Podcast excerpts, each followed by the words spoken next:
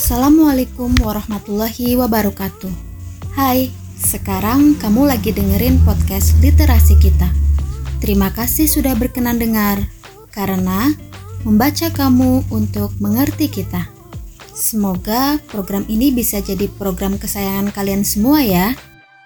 Hari ini kita akan mendengarkan pengalaman literasi membaca dari siswa kelas 8A SMP Negeri 1 Kaligondang ada empat siswa yang akan menceritakan pengalaman membaca mereka. Selamat mendengarkan. Assalamualaikum warahmatullahi wabarakatuh. Perkenalkan nama saya Wijidina Sulisdoningsih. Saya biasa dipanggil Ulis. Kelas 8A SMP Negeri 1 Kaligondang. Hari ini saya akan membagikan pengalaman membaca saya. Judul bukunya adalah Randu ditulis oleh Tria Ayu Kusuma Wardani dengan subjudul Inovasi. Sinopsis ceritanya adalah Randu anak yang hebat dan pantang menyerah. Ia sangat kreatif membuat aneka bantal, kasur, dan boneka dengan isian kapuk. Tidak hanya dibuat saja, bantal, kasur, dan bonekanya pun dijual. Ia dibantu oleh keluarganya dan sahabatnya. Randu saat optimis, percaya diri, pantang menyerah. Dari cerita tersebut, saya mendapatkan amanat, yaitu kita harus selalu percaya diri, optimis, pantang menyerah. Jika kita tidak percaya, diri kita akan susah sukses kelak besar nanti. Berdasarkan amanah tersebut, saya dapat menerapkan dalam kehidupan saya dengan cara saya akan jadi lebih baik, tidak boleh malu, selalu optimis, dan pantang menyerah. Maka, penerapan dalam kehidupan saya adalah saya tidak boleh malu jika ditanya oleh guru atau ditunjuk untuk menjelaskan materi. Selalu optimis dan pantang menyerah dalam mengerjakan tugas walau sesulit apa pun. Demikianlah pengalaman membaca saya. Literasi kita membaca kamu untuk mengerti kita. Assalamualaikum warahmatullahi wabarakatuh. Perkenalkan, nama saya Arju Dwi Pramutika. Saya biasa dipanggil Arju. Kelas 8A SMP Negeri 1 Kaligondang. Hari ini saya akan membagikan pengalaman membaca saya. Judul bukunya adalah Randu. Ditulis oleh Tria Ayuka dengan subjudul Inovasi. Sinopsis ceritanya adalah Randu meminta tolong kepada Ratna untuk menjahitkan selembar kain dengan tujuan membuat guling kejutan buat Alika. Ratna pun bersedia untuk membantu Randu. Setelah Ratna selesai menjahit kain tersebut, mereka melanjutkannya dengan mengisi kapuk. Begitu selesai mengisi kapuk hingga padat, mereka tertawa geli melihat hasilnya. Sampai-sampai Ratna ingin membuat guling untuk dirinya sendiri. Randu pun tertegun melihat Ratna yang terlihat nyaman. Randu pun meminta bantuan sekali lagi kepada Ratna untuk menjadi mitra kerjanya dan membuat beberapa boneka isi kapuk aneka bentuk dengan tujuan untuk dijual. Setelah pembicaraan itu selesai, mereka segera bergegas menemui Alika. Ketika mendapat kado guling dari kakaknya, Alika sangat senang.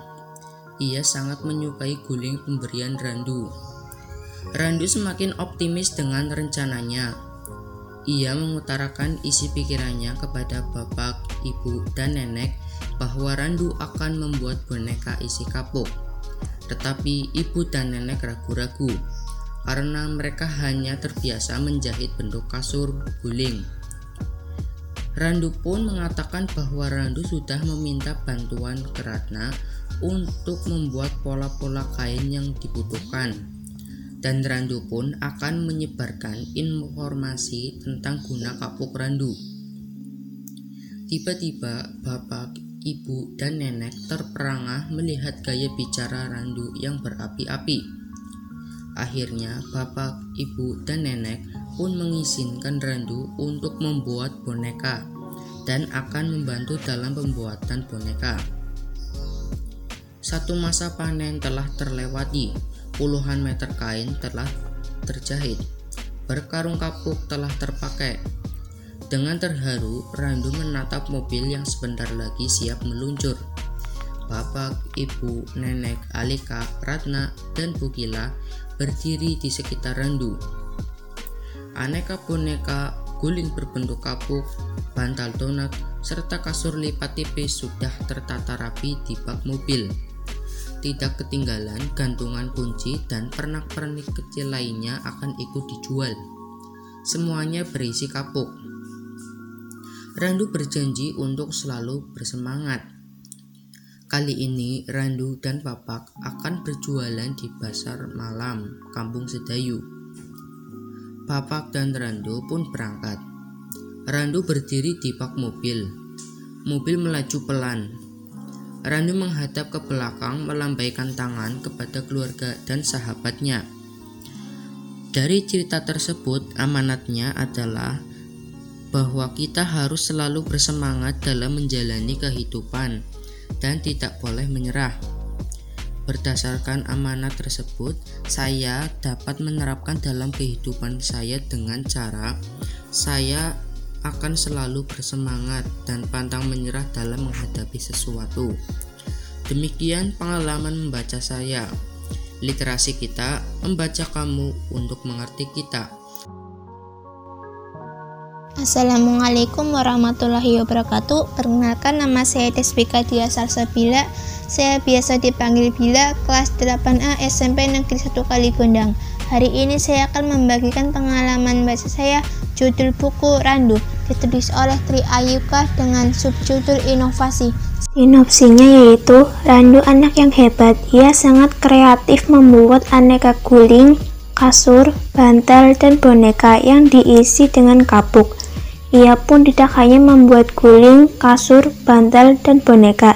Ia juga membantu keluarganya untuk berjualan guling, kasur, bantal, dan boneka dengan percaya diri. Dari cerita tersebut, amanatnya adalah kita harus saling tolong-menolong. Berdasarkan amanat tersebut, saya dapat menerapkan dalam kehidupan saya dengan cara kita harus bekerja keras agar mencapai hasil yang baik. Demikian pengalaman membaca saya, literasi kita membaca kamu untuk mengerti kita. Assalamualaikum warahmatullahi wabarakatuh Perkenalkan nama saya Dimas Malik Fauzi Saya biasa dipanggil Dimas Kelas 8A SMP Negeri 1 Kali Gondang Hari ini saya akan membagikan pengalaman membaca saya Judul bukunya Randu ditulis oleh Tri Ayu Kusuma Wardani dengan subjudul mengenai tentang sikap optimis dan kejujuran. Sinopsis ceritanya adalah menceritakan tentang usaha keras untuk mendapatkan hasil yang memuaskan. Mereka bekerja keras dan tidak pantang menyerah untuk mendapatkan apa yang mereka inginkan. Mereka saling tolong-menolong di dalam pekerjaannya. Dari cerita tersebut, amanatnya adalah menceritakan tentang anak yang berusaha untuk maju dalam berkreativitas untuk membuat bantal guling untuk diperjualbelikan di optimis bahwa dia bisa hidup lebih maju lagi semangat mereka yang penuh keyakinan Berdasarkan amanah tersebut, saya dapat menerapkan dalam kehidupan saya dengan cara bersikap optimis dan selalu jujur dalam perbuatannya. Demikian pengalaman membaca saya, literasi kita membaca kamu untuk mengerti kita. Terima kasih. Wassalamualaikum warahmatullahi wabarakatuh.